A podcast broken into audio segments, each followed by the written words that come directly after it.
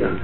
هل الذهب محرم كما يقول الشيخ الألباني في كتابه عنوانه آداب الزفاف وأيضا في الحج يقول أن مناسك الحج واحد وهو التمتع. لا هذا غلط. ذهب مباح للحديث للحديث النساء حكى عليه الاجماع جمع من أهل العلم كالبيهقي والنووي والجصاص والحنفي وجماعة. وما يروى بعض الأحاديث الموهمة للتحريم فهي منسوخة. فالذهب حل للنساء كالحديث حرم على الذكور.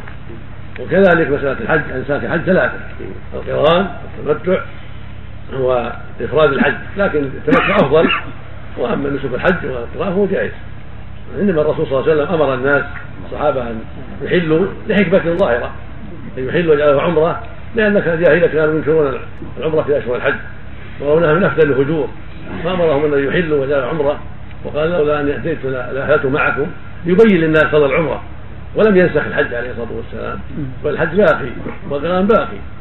ولهذا فعله الصحابة بعده ومعلم الناس به أفرد الصديق وأفرد عمر أفرد عثمان رضي الله عنه وأرضاهم. وقرن علي بين الحج والعمرة في عهد عثمان. وهكذا فعل الصحابة رضي الله عنهم. لكن التمتع أفضل. أما القول بأن الحج منسوخ ولا بقي إلا نسك التمتع هذا غلط. لا وجه يخالف اجماع المسلمين.